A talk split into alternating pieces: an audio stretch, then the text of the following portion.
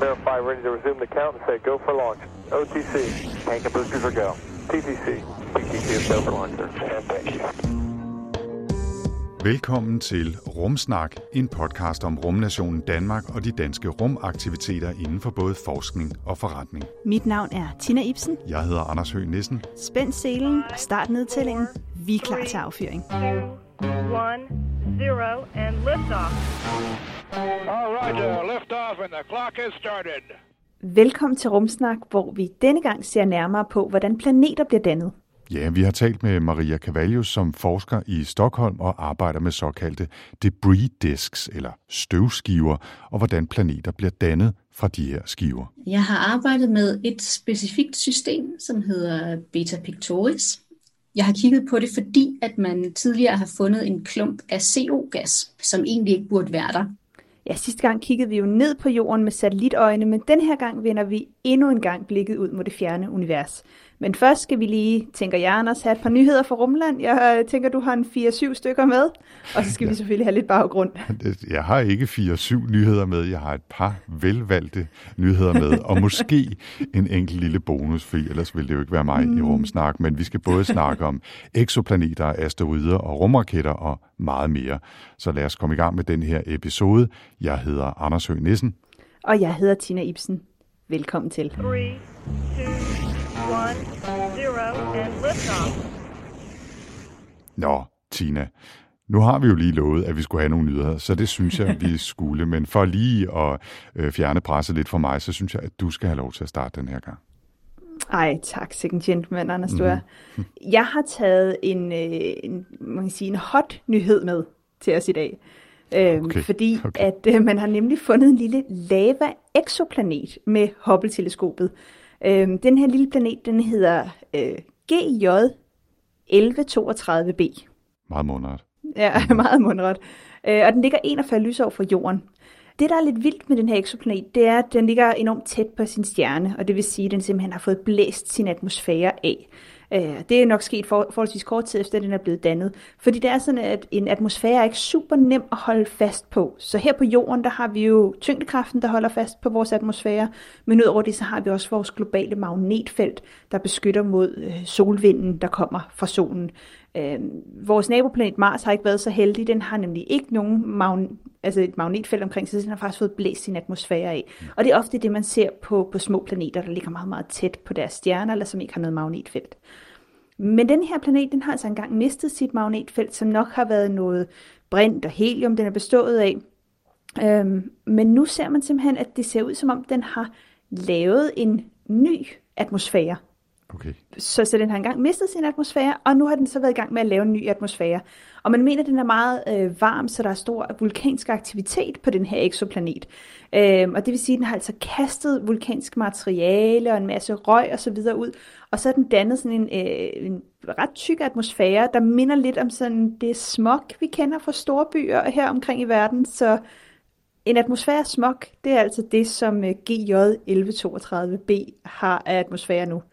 Ved, ved vi, og nu spørger jeg, øh, og jeg undskylder, hvis du ikke øh, kender svaret, ikke, Tina, men ved vi, om den har tyngdekraft nok øh, og eventuelt et, et magnetfelt til at holde på den her nye smogagtige vulkanatmosfære, eller må vi vente og se?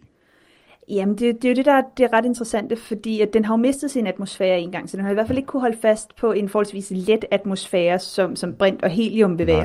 Nej. Øhm, men, men hvis den bliver ved med at få fodret, altså hvis den her vulkanske aktivitet fortsætter, den bliver ved med at fodre mere og mere og mere øh, s- gas op i atmosfæren, så kan det godt være, selvom noget af det stadig vil forsvinde, altså så vil den simpelthen kunne opretholde en lidt tungere atmosfære, som den her smog-atmosfære er.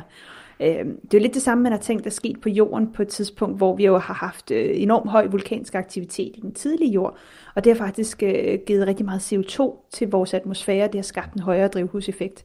Så, så det her med, at, at vulkansk aktivitet faktisk har en stor indflydelse på, hvordan atmosfære er, det er ret interessant, når man så også ser noget, der er så anderledes som den her øh, smog-atmosfære rundt omkring eksoplaneten. Klar. Øh, helt uvidenskabeligt vil jeg så lige bare lufte tanken om, at vi lige kunne gøre det samme. Altså hvis vi alle sammen bare holder vejret, og så lige får skiftet den aktuelle atmosfære ud med en ny, som måske har lidt lavere CO2-niveau og sådan noget, så kunne vi måske klare nogle problemer på den måde. Men, men, men det kan godt være, at jeg lige skal workshop den lidt. jeg tænker også, fordi når, hvis du, hvis du øh, tager atmosfære, altså nu, nu, nu nørder Okay, du. jeg kan godt lide, jeg godt, jeg godt lide, at du tager det alvorligt. Så hvis vi skulle fjerne vores atmosfære bare kort, ikke, mm-hmm. så vil øh, hvor, altså trykket jo også her på jordoverfladen forsvinde, og det betyder faktisk, at alt vandet vil jo koge og fordampe ret hurtigt. Så, Ja. så selv hvis vi skulle gøre det her trick, så vil vi ellers miste rigtig meget af det flydende vand, vi har på overfladen. Ja, okay, godt se, Så, godt se jeg øh, skal, jeg skal arbejde lidt på den. Okay. Det er sgu en dårlig idé, lad mig, holde, lad, lad mig fortælle om en anden nyhed, i stedet for bare at finde på min egen. Det får ikke? du lov til. Tak. Øh, Jeg er nemlig faldet over, at øh, Rusland og Kina nu har annonceret, at de har lavet en aftale om at bygge en rumstation eller en måse, månebase. Ikke en måsebase, men en månebase sammen.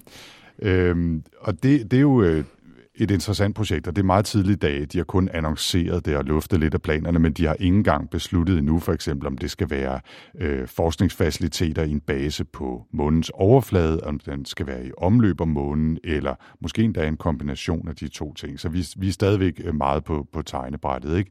Men det er dog interessant, at de har slået sig sammen. Øhm, Helt bestemt. den, den skal hedde International Scientific Lunar Station, og, og skal altså have fokus på forskning, ligesom også ISS øh, jo har det. Og, og jeg synes, øh, at det er interessant, også selvom det er meget et tegnebordsprojekt det her nu, at, øh, at Kina lige pludselig er begyndt at markere sig ret alvorligt i, i rumfart. Ikke? Altså har jo ellers været sådan lidt bagefter de andre stormagter, ikke? men har for nylig jo haft, øh, hvad hed den, Chang'e 5, proben op at bringe materiale tilbage fra månen, og, øh, og har nogle virkelig, øh, øh, lader det til, fine raketter. Ikke? De her, hvad hedder de, Long March, øh, tror jeg, raketterne de mm. bruger. Ikke? Så øh, vi kommer til at se, hvornår det bliver, og, og så videre. Der, der er slet ikke nogen fast køreplan for det her, men et interessant samarbejde. Ikke mindst også fordi, på samme tid som Kina jo har markeret sig med Chang'e-proberne og, og Long March-raketterne, og nu også øh, de her planer, så har Rusland jo måske øh, ved at sagt lidt agter ud, fordi de længe har siddet på launch-kapabiliteten øh, for, for stort set jo hele kloden, eller i hvert fald hele den vestlige verden, hvor mm. SpaceX jo især, og, og nye NASA-projekter, og i øvrigt også øh, andre øh, private rumvirksomheder, er ved at og, og kunne tilbyde noget af det samme, som øh, Rusland kunne. Ikke? Så spændende at se øh, det her nye samarbejde, synes jeg. Ja, også fordi er sådan ret interessant. øh, Rusland er jo netop en stor del af den internationale rumstation og har været sindssygt dygtige øh, allerede før man byggede den og begyndte det arbejde der i slut 90'erne øh, på at lave rumstationer i kredsløb om jorden. Selvfølgelig, ikke? men, men jo, præcis. Altså, og de har, de har jo ikke rigtig været med i nogle af de her store samarbejder, man har slået op om, om den her Gateway to Space, som er det, det her altså, rumstation, der skal kredse om, om månen, som er det europæiske, amerikanske, og jeg mener også Kanada er med, og Japan måske også kommer med, eller de her øh, landingsmissioner, Artemis-programmet, som, som NASA kører. Det virker som om Rusland er sådan trukket sig helt ud af, af det, øh, og det bliver ret interessant, hvad det kommer til at få betydning for det fremtidige rumsamarbejde, at de nu kigger mod Kina, i stedet for at kigge øh, mod de gamle samarbejdspartnere, de har haft her. Ja, bestemt. Nå, Tina, du har en øh, nyhed mere, ved jeg. Ja, så øh, Anders, øh, har du mange sparepenge liggende? En lille smule. En lille smule. Hvad skal jeg gøre med dem, Øhm, siger du? Fordi det er sådan, at den 21. marts, der får vi altså besøg af en, øh, en asteroide. Det er asteroiden 2001, FO 32. Du finder de gode navne den her gang, synes jeg. Ja, det gør jeg. Ja. øh, og den vil sus forbi jorden i en afstand på blot 2 millioner kilometer. Det er altså det, vi kalder en potentially hazardous asteroid. Så det kunne godt være, at, øh, at du skulle tage og, og kigge på, hvad du skal bruge den næste uges tid på. Okay, du, altså jeg vil sige to millioner kilometer, det er ikke sådan, jeg har lige en fornemmelse af, at den er ved at ryge ned i hovedet på mig, så jeg tror jeg lige, at lader pengene stå lidt endnu, hvis det er okay med dig. Ja, det er Aha. rigtig fint. Der, der har været nogen, der har skabt sådan en helt sådan en øh, frygt om, at nu kommer den her asteroide super, super tæt på. Men som du rigtig nok siger, 2 millioner kilometer er altså stadig virkelig, virkelig langt væk. Altså månen ligger 380.000 kilometer væk, så det er mange gange flere øh, gange, end månen ligger væk. Mm. Men det er altså ofte, at sådan nogle af de her nærjordsasteroider, eller PHA-asteroider, som man også kalder dem, de kommer et smut forbi jorden i de her afstande. Den her asteroide er mellem 440 og 680 meter i diameter, øh, og den kredser omkring jorden på omkring 2,25 år. Øh, altså den, og grunden til, at man kalder den en PHA, det er simpelthen, fordi den krydser jordens bane i sit kredsløb omkring solen. det, der er med sådan nogle asteroider, det er, at når, når navnet starter med 2001, så er det fordi, den blev opdaget i 2001. Så det vil sige, at man har kendt til den siden da. Man har kunne følge dens bane omkring solen. Og det vil sige, at man har en super øh, præcis kortlægning af øh, dens, dens bane rundt om solen, og hvor tæt den vil komme på jorden osv. Og, og der er ikke noget de næste hundredvis af år, der, øh, der ser troende ud for, for os der. Men øh, til gengæld, altså i stedet for at være bange for den, så kan vi øh, bruge den her tætte forbiflyvning til at undersøge den her asteroide nærmere. Øh, fordi det er simpelthen svært at undersøge asteroider, fordi de er meget, meget mørke, øh, og de er meget, meget små. Altså 680 meter, når vi er ude i en afstand på 2 millioner kilometer. Det er jo, det er jo ingenting. Øh, så når vi får selv de her tætte forbiflyvninger, jamen så kan vi simpelthen undersøge dem øh, meget, meget nærmere. Og næste gang, hvis vi skal have chancen, hvis vi misser den den her gang, jamen øh, så skal vi altså vente til 2052, hvor den kommer cirka 2,8 millioner kilometer øh, afstand væk fra jorden. Så det er næste gang, den kommer sådan tæt på os. Okay, og, og stadigvæk ikke øh, super tæt. Men, men der, er jo, tæt, øh, der er jo masser af asteroider øh, derude, som vi har nogenlunde styr på og har en fornemmelse af, hvor de er henne og, og kender deres baner, men der er jo også stadigvæk mange, som vi ikke kender. Øh, og der er jo stadigvæk en risiko for det der med, at der pludselig dukker en op øh, ud af det blå, skulle jeg til at sige, ikke? Øh, men altså uden at vi har øh, fulgt den eller opdaget den tidligere, som så kan risikere at ramme os. Det er jo sket masser af gange før. Det sker jo øh, hver dag, at der styrter ting ned i hovedet på os. Ikke? Øh, så, så det er jo en risiko. Og, og nu tillader jeg mig så lige alligevel at smide en lille bonus ind, ikke? fordi lige præcis den her idé om, at, at vi øh, risikerer at få sådan en øh, planet killer asteroide i, i hovedet. Øhm, Så, så jeg lige vil som- sige, det er altså super usandsynligt, inden vi lige maler fanden på væggen her, og folk går ud og hæver deres... Øh... Med mindre man ser Netflix, så er det faktisk super sandsynligt, fordi der har jeg lige opdaget en serie, der hedder Salvation, som øh, er fra 2017, og hvis der er kommet i tre sæsoner, jeg tror måske ikke den sidste er kommet på Netflix endnu, men den, den tager lige præcis udgangspunkt i den her idé om, at en asteroide dukker op ud af ingenting og har kurs mod jorden. Og øh, i det her tilfælde, der er det en øh, MIT-studerende, der hedder Liam, som øh, er øh, astrofysiker, og som øh, lige pludselig opdager denne her. Og den vil altså ramme jorden øh, med nærmest 100% sandsynlighed om 186 dage. Og hvad fanden gør man så, ikke? Øh, og så handler den her øh, serie, som jeg altså i talende stund kun har set øh, to afsnit af, så jeg har, jeg ved, det er absolut ikke nogen anmeldelser, jeg kan ikke spoile noget, fordi jeg ved ikke noget. Men det, jeg synes, det er et interessant præmis, ikke? Hvad pokker gør man så med sådan en kort øh, frist? Så han slår følge med en øh, sådan en Elon Musk-agtig tech-giga-milliardær-type, som hedder Darius Tans, som selvfølgelig også er sådan en playboy. Og de prøver at komme op med forskellige løsninger. Kan de skyde ned med raketter? Kan de ligesom bombe til den med en, med en rumprobe? Eller hvad pokker kan man gøre? Og NASA altså, og Pentagon er selvfølgelig også involveret, så der er også en masse politisk spil og ballade. Ikke? Det er ikke hvis jeg lige skal dømme ud fra de uh, halvandet to afsnit, jeg har set endnu, så det er ikke sådan topklasse tv, men det, det er solid, uh, spændende underholdning, og alt, hvad der handler om, uh, om rummet, kan vi jo godt lide, så, så det var en, uh, en lille bonus. Så er der også noget til, til fredagsbordet og et glas rødvin og snakke om, hvad skulle man egentlig gøre, hvis der var en asteroide på vej. Det, det kunne måske være et, øh, en opfordring til rumsnaklytterne derude, at man, ja, man ser et afsnit, og så tager man et glas rødvin eller en lille whisky, eller hvad man nu har lyst til, det kan også bare være et glas vand, og snakker om, øh, hvad man skulle bruge opsparing til, hvis man havde 186 dage tilbage. Ikke?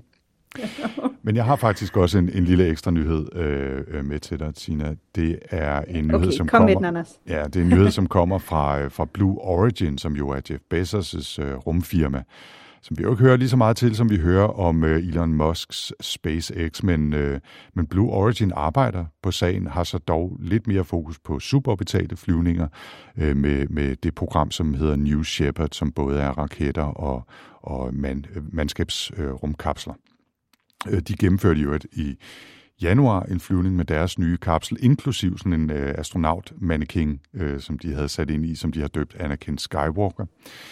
øhm, og så bruger de jo også genanvendelige raketter, som så kan lande igen og, og genbruges. Det, er jo, det synes jeg er en rigtig fin trend. Nå, men det som nyheden egentlig handler om, det er, at Blue Origin også har annonceret, at de arbejder på en opgradering til systemet, som skal hjælpe især øh, NASA og sikkert også ESA med at studere fænomener i lav tyngdekraft, for eksempel en tyngdekraft som den, man finder på månen, som er hvad, en sjettedel, er det ikke det, man plejer at sige, af den her på Jo, jorden? præcis. og det er faktisk noget, som er lidt svært at simulere. Øhm, og der har New Shepard, øh, altså den skal have en opgradering, som gør, at den ligesom kan dreje om sin egen aktie i de her su- suborbitale flyvninger, så man kan lave en simulation af noget, der minder om månens tyngdekraft. Og det kan man så bruge til at lave forskellige eksperimenter, måske teste noget udstyr, som vi skal have med på månen øh, til, til fremtidige missioner, så vi ved, at det fungerer ordentligt. Fordi det er noget, som NASA har ret dårlig kapabilitet til at gøre på deres egne, øh, øh, hvad hedder de, parabe, hvad de hedder, par, parabolflyvninger og sådan noget. Ikke? Øhm, ja. så, så, så, ja, for det er jo vægtløs tilstand, man Ja, kommer lige præcis, så det er kun ikke? Ja. helt få sekunder, hvor man måske lige kan ramme noget månetyngdekraft, og så er, er det mm. væk igen. Ikke? Men der kan øh, New Shepard altså øh, simulere månetyngdekraft og andre niveauer af tyngdekraft, og det synes jeg er rigtig spændende. Det er så først i slutningen af 2022, det bliver tilgængeligt, så vi øh, ved ikke nu, hvordan det fungerer, men, øh, men jeg synes, det er en, en spændende udvikling. Det ser sejt ud, synes jeg. Det kunne være, at vi skulle prøve at høre, om vi kunne øh, komme med på en tur og opleve månetyngdekraften, Anders. Hvad siger du til det? Du ringer bare til Jeff, og så, øh, så jeg, jeg tager med i hvert fald, hvis du skaffer en tur, det er helt Det er sikkert. godt. Okay, it's a nice ride up to now. Nå, men Tina, vi skal også i gang med dagens tema, stjernetoger, støvskiver og planetdannelser. Ja, fordi altså, de her stjernetoger, hvis vi starter med dem, altså, hvis du, Anders, der findes forskellige slags? Øh, skal vi ikke bare sige ja, og så øh, kan du få lov til at fortælle om, jeg vil helst ikke høre sige det. Nej. så der, der findes en række forskellige stjernetog, så en stjernetog er ikke bare en stjernetog. Øh, så der findes det, vi kalder emissionstoger, som er sådan nogle øh, toger, der lyses op. Ofte er noget, øh, noget UV-lys, der er i nærheden. Det kan være en ny stjerne, der er blevet dannet af et eller andet.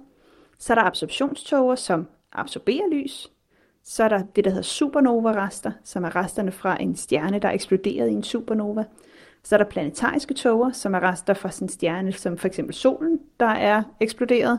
Og så har vi det, vi kalder mørke tåger, som er sådan nogle helt, helt tætte tåger, hvor alt lys bliver som sådan fanget, så det ligner bare sådan nærmest et hul i himlen, når man ser de her billeder.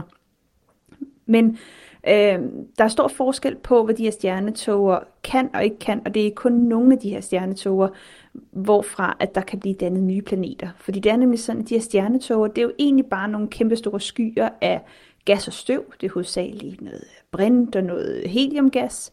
Øh, og så kan der være nogle lidt øh, tungere grundstoffer i dem. Man har blandt andet fundet alkohol og vanddamp, og øh, man har fundet sukkermolekyler og aminosyre og sådan nogle ting. Så, så det er sådan, der kan være mange forskellige ting, men det er hovedsageligt brint øh, og helium, der er i de her stjernetoger. Og de kan egentlig ligge og se fine ud på himlen. Øh, man har måske set nogle af de her billeder fra Hubble med Orion-togen eller Skabelsens søjler, som er en del af Ørnetogen. De er jo virkelig, virkelig, virkelig flotte. Øh, begge de her to toger, de er i gang med faktisk at falde sammen. Så selvom de ser sådan helt roligt og, og pænt ud, så er det faktisk altså det er sådan en virvar af ting, der falder sammen under deres egen tyngde og øh, falder ind mod forskellige områder og sådan nogle ting. Så de kan simpelthen, de her stjernetog, hvis de bliver forstyrret på en eller anden måde, så kan de begynde at kollapse. Og en stjernetog kan blive til tusinder af stjerner. Så fordi de er så kæmpe, kæmpe store, der er så meget gas i dem. Og så begynder de simpelthen at kollapse forskellige steder i togen, så falder de sammen og danner øh, på sigt nye stjerner. Men den her proces at gå fra øh, stjernetog til et færdigt stjerneplanetsystem, det er ikke helt simpelt. Altså der er virkelig, virkelig mange steps i det. Øh, og vi kalder hele den her teori for, hvordan vi går fra stjernetog til, til planeter, for nebula-teorien. Fordi på engelsk hedder en stjernetog en nebula. Og den her nebula-teori, jamen det, det, der har været meget her de sidste år om, at jamen, den ser ud til at være sådan forholdsvis god. Øh, og der har været nogle forskellige måder, hvorpå man har undersøgt det. Øh, så ved at kigge på bare vores eget solsystem til at starte med, så kunne man sige, jamen, okay, hvordan er det, vores solsystem ser ud? Jamen, vi har solen i midten, der er langt det mest masse koncentreret. Og så har vi planeterne, der ligger udenomkring. Øh, stort set alle planeterne ligger på en skive øh, i det samme plan og kredser rundt om solen. De kredser den samme vej rundt om solen også, øh, og mange af dem roterer faktisk også den samme vej rundt om sig selv. Der er lige Uranus og, øh, og Venus, der er, øh, der er the odd ones out øh, her. Men kigger vi på, på, øh, på asteroider, på de fleste kometer i både asteroidebæltet og Kuiperbæltet, de ligger altså også i det her plan. Så det ser ud til, at der er et eller andet, altså der har, der har skabt hele solsystemet af en eller anden form for plan, der har haft en rotation. Øh, og det nebula-teorien fortæller, det er, at jamen, vi havde den her stjernetog, den faldt sammen i sådan en kugle, men fordi den roterer, så er den her kugle blevet fladtrykt som en skive, Og for den her skive har vi så fået dannet øh, stjernen i midten, og så planeterne og alt det andet omkring.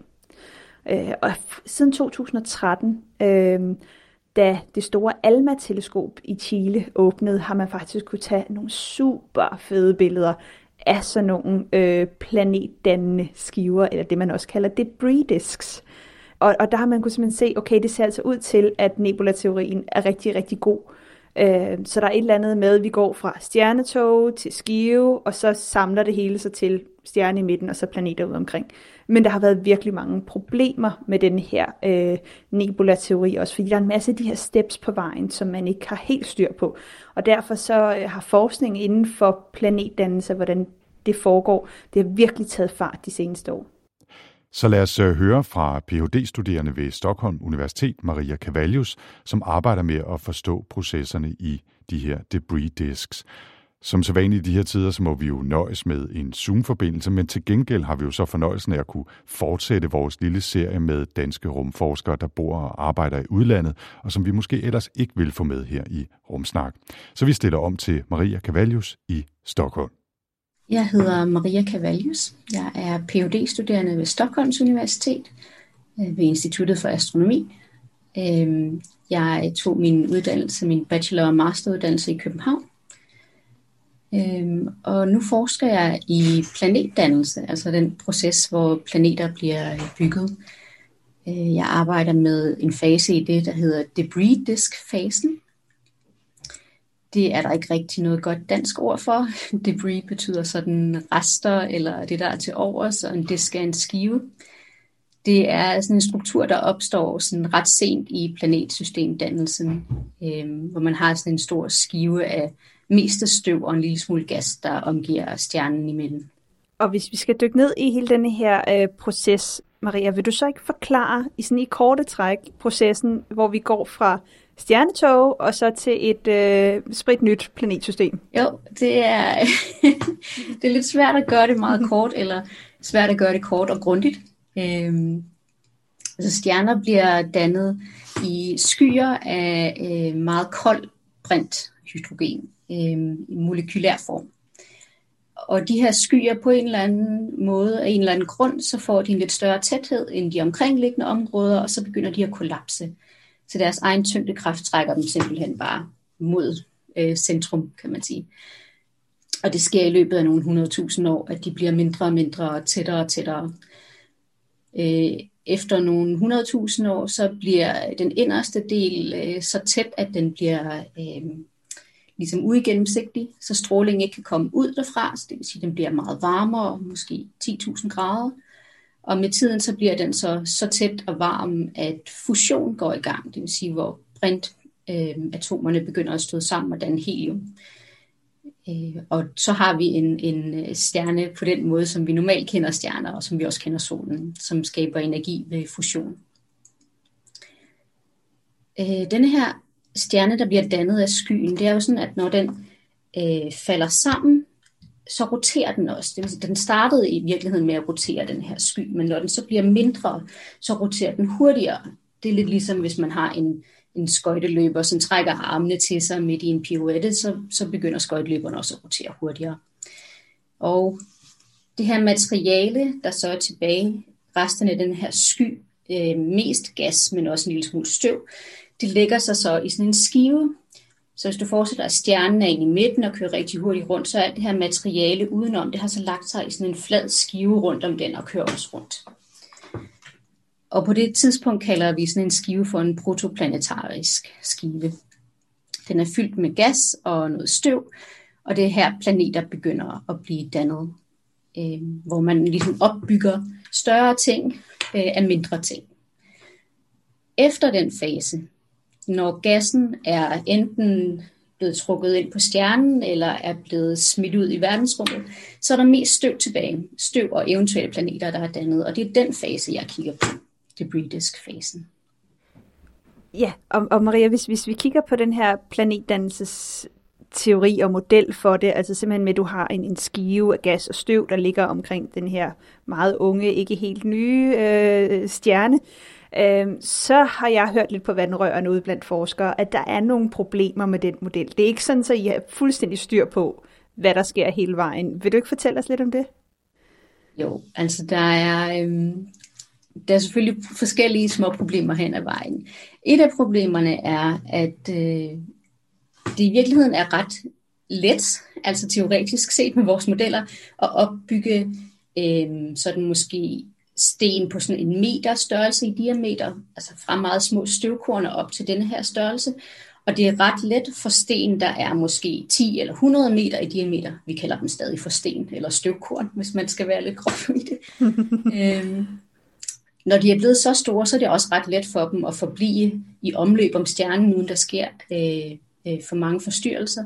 Men lige der omkring 1 meter, der er der et eller andet, der er svært for os at finde ud af. Fordi på det her tidspunkt, så er der ikke så mange objekter tilbage, som man kan stå sammen med, så man kan ikke kollidere med lige så mange små støvkorn og ligesom blive større. Og samtidig så bliver man også bremset af gassen. Så gassen gør faktisk, at man bliver bremset, man får mindre hastighed, og dermed falder man ind mod stjernen. Og det burde ske rigtig, rigtig hurtigt. Så de her meterstørrelse objekter burde simpelthen blive slugt ind i stjernen, før de kan nå at blive større. Så det er jo et problem, kan man sige.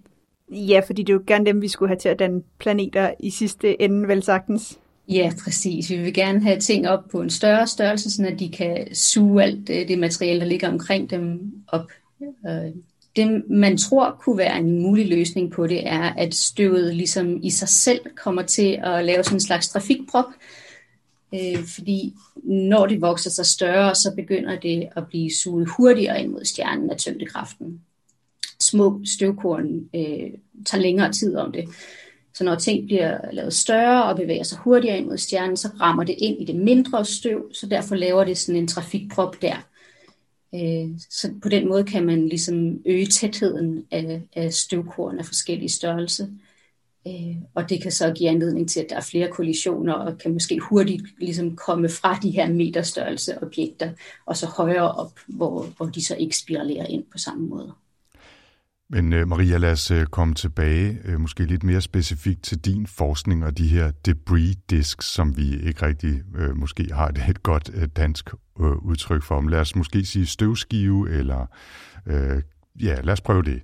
Uh, kan, kan du ikke fortælle lidt mere om dem? Altså, hvad, hvad består de af? Hvor store bliver de? Hvor finder man dem? Og så videre. Ja, så det er øh, basalt set bare en, en skive af støv i forskellige størrelser. Og nogle gange er der så også planeter i. Det er jo ikke alle stjerner, der har planeter omkring sig, men de fleste har. Øhm, så der findes store planeter, der findes større objekter øh, på måske meter eller kilometer i størrelse, og så findes der helt ned til mindste støvkorn på måske mikrometer. Hvor man i den protoplanetariske fase ligesom byggede ting op, byggede de her planeter, så er en debris disk i virkeligheden øh, en skive, hvor der mere bliver slebet ting ned igen. Så der kolliderer en masse ting. Der er ikke gassen længere til at bremse øh, de her ting, der støder sammen, så de støder sammen med højere hastigheder, og derfor går de typisk i stykker, når de støder sammen. Så man danner en masse ny støv igen. Er solsystemet med asteroidebæltet og Kuiperbæltet lidt længere ude, er det også en debris disk i virkeligheden? Det er et fantastisk godt spørgsmål. Ja, det er det nemlig. Øh, de debris disks eller støvskiver, som vi kigger på, de er meget mere massive, fordi ellers ville vi ikke kunne se dem. De er så langt væk, ellers ville vi ikke kunne se dem.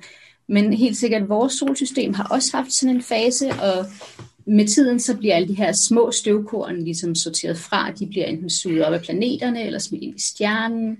Og de større planeter øh, bliver jo dannet og, og tager det, der er i deres baner, kan man sige, og snupper det op. Øhm, men ja, der er nogle, nogle rester tilbage fra den tid, som du siger, er asteroidebæltet et af dem. Det burde måske i virkeligheden være gået til, men fordi Jupiter øh, ligger, hvor den gør, så øh, bliver det holdt i skak. Det, det bliver ikke suget ind i solen. Øh, og kaj på bæltet længere ude, altså ude efter Pluto, så at sige. Øh, det er også vores levn fra den tid. Ja vores reservoir af, af kometer ligger jo derude. Og hvis vi så kigger på de her debris disks, nu har du valgt, det skal være dit forskningsområde og arbejder med det. Øh, hvorfor er de vigtige, og hvad er det, de egentlig kan fortælle os om, om planetsystemer derude, og måske også i det, vi selv har haft en debris disk, og måske stadig har det. Øh, hvad kan det så egentlig fortælle om vores solsystem? De kan fortælle lidt forskellige ting. Altså dels så er de strukturer, som man kan se i dem, altså hvis man tager billeder, så kan man tit se for eksempel nogle øh, ringe, hvor der er ingen støv overhovedet. Man kan se nogle bælter nogle gange, hvor der er støv, men der ikke er støv udenomkring. Man kan se nogle klumper, og det er alle sammen typisk tegn på, at der er planeter. Så forestil dig, at der er en støvskive og en planet indeni, som kører rundt om stjernen, så vil den suge alt det materiale op, der ligger der. Så på den måde kan man sige, der er en planet i det system, selvom man ikke kan se den på andre måder. Så det er jo rigtig fedt. Øhm, det man også kan, er at måle på støvet med øh, spektroskopi, altså prøve at få et spektrum ud, hvor man kigger på lyset ved forskellige bølgelængder, og så kan man sige, hvilke grundstoffer det her støv består af. Det er lidt lettere at gøre med gassen, til gengæld er der ikke så meget gas i. Øhm, så på den, den måde kan man ligesom fastsætte, hvilke grundstoffer der er i et planetsystem. Og selvfølgelig så øhm, kan man sige, noget af det interessante er jo at finde ud af, om de ting, der findes i systemet, også kunne øh, gøre systemet øh, beboeligt. Nu har jeg selv kigget på vanddamp i et system, og man kan sige, at vand er jo helt sikkert en af de store ting, vi gerne vil finde ude på nogle eksoplaneter. Øh, men det er rigtig svært på planeterne selv ligesom at finde ud af, hvad der er inde i dem. Det indre af planeterne er næsten umuligt for os at finde ud af øh, noget om. Men men det kan man med debris disks, fordi det materiale, der ligger der i, er det samme som det, der byggede planeter op.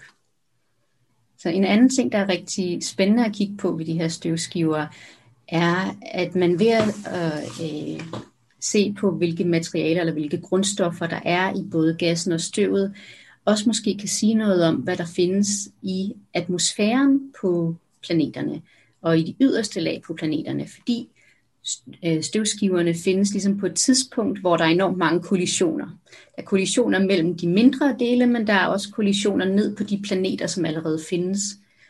Og for eksempel på jorden mener man, at en del af jordens vand faktisk er kommet med kometer og asteroider, som er ramt jorden på et tidligt tidspunkt øh, og har leveret det her vand, og det kunne jo sagtens være det samme, der så vil ske i andre planetsystemer, forestiller man sig. Så det er lige præcis det her tidspunkt, vi skal kigge på for at få noget information om det. Vi skal vende tilbage til øh, din forskning og vanddampen lige om et øjeblik, øh, Maria. Men kan du ikke fortælle lidt mere om, hvordan man overhovedet observerer de her debris disks? Øh, nu har vi snakket om, det, de skal helst have en vis størrelse, og du snakker om spektrografi og så videre. Ikke? Men hvordan observerer man så det man øh, gjorde til at starte med, var simpelthen bare at måle øh, et spektrum fra, ja, i virkeligheden fra stjernen, fordi man havde ikke nogen rummelig opløsning. Øh, man kunne ikke ligesom se forskellige steder, så man tog bare hele området og kiggede på et spektrum. Og så så man, at der var sådan en ekstra portion infrarødt i forhold til, hvad man forventede. Og det man så fandt ud af lidt efter lidt, var, at det simpelthen varmestråling fra støvet. Så støvet bliver varmet op af stjernen, og så genudsender det noget af strålingen i vores retning som varmestråling. Så på den måde kan man sige, at der er noget støv omkring den her stjerne. Nu kan man jo så tage billeder, der rent faktisk har en opløsning, så man kan se de her strukturer, som jeg nævnte før. Øhm, det kan man se med for eksempel ALMA-teleskoperne, som står i Chile, en stor øh, jeg tror, der er 66 forskellige teleskoper, som så kan arbejde sammen. Man kunne også se det med Hubble, øh, rumteleskopet Hubble. Øh, derudover så kan man så også kigge på spektroskopi lidt mere i detalje, så både af gassen og støvet. Gassen kan udsende noget, noget lys ved meget bestemte bølgelængder, afhængig af hvilke stoffer der er i det. Og øh, lige med, med støvet, Øh, gassen kan også lægge sig foran stjernen, hvis vi er heldige lige at kigge i den retning, eller hvis, øh, hvis skiven ligesom er orienteret, så vi kigger gennem gassen og ind på stjernen, så kan, så kan gassen også øh, hapse noget af det lys, der ellers ville komme fra stjernen. Godt. Vi bruger nogle instrumenter, du kigger på de her debris disks, du har kigget på vanddamp. Hvordan er det så specifikt, du undersøger, om der, har, altså om der er vanddamp øh, i sådan nogle øh, debris disks. Sådan, så hvis du skal tage os igennem en, en dag på dit arbejde, og du sidder og undersøger det her, øh, hvordan foregår det? Ja, jeg har arbejdet med et specifikt system, som hedder Beta Pictoris. Øhm, stjernebilledet Pictor, eller stafeliet, øh, kan ses fra den sydlige halvkugle. Det er omkring øh, 60 lysår væk, så i astronomi så er det rigtig tæt på. Øh, det er stadig ret ungt, hvilket vil sige, at det har stadig en masse materiale omkring sig, så det er rigtig lysstærkt, det her system. Så man, det er let at se på, kan man sige. Og så har de jo også to planeter, som, som faktisk er blevet forudsagt, at de ville være der på grund af de mønstre, man så øh, i skiven der, så det er ret fedt. Øh, men, men det system har jeg kigget på, og øh, jeg har kigget på det, fordi at man tidligere har fundet en klump af CO-gas, som egentlig ikke burde være der. Den CO-gas, den burde være blevet splittet til øh, kulstof eller carbon og øh, ilt eller oxygen for lang tid siden. at De kan kun overleve i 50 år, og sådan på astronomisk skala, så er det utrolig usandsynligt, at vi lige skulle have ramt ned i det her 20 millioner år gamle system i løbet af de 60, 50 år, hvor, øh, hvor det vil være synligt.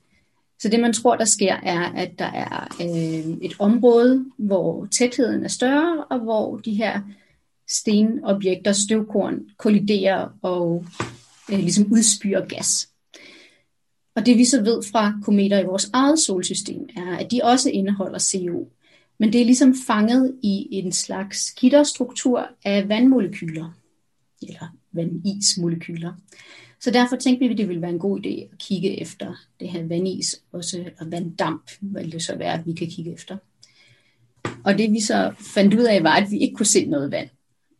Øh, og det er jo selvfølgelig lidt deprimerende i virkeligheden. Det ville være rigtig lækkert at se en masse vand. Men det kunne vi altså ikke. Øh, så det vi gjorde i stedet for var at prøve at sætte en øvre grænse på, hvor meget vand vi kunne se.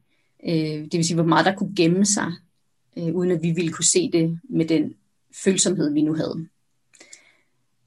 Og så fik vi et resultat ud, som er, øh, der kunne være en masse af vanddamp på omkring 10 i 17 kilo, så et et-tal med 17 nuller bagefter.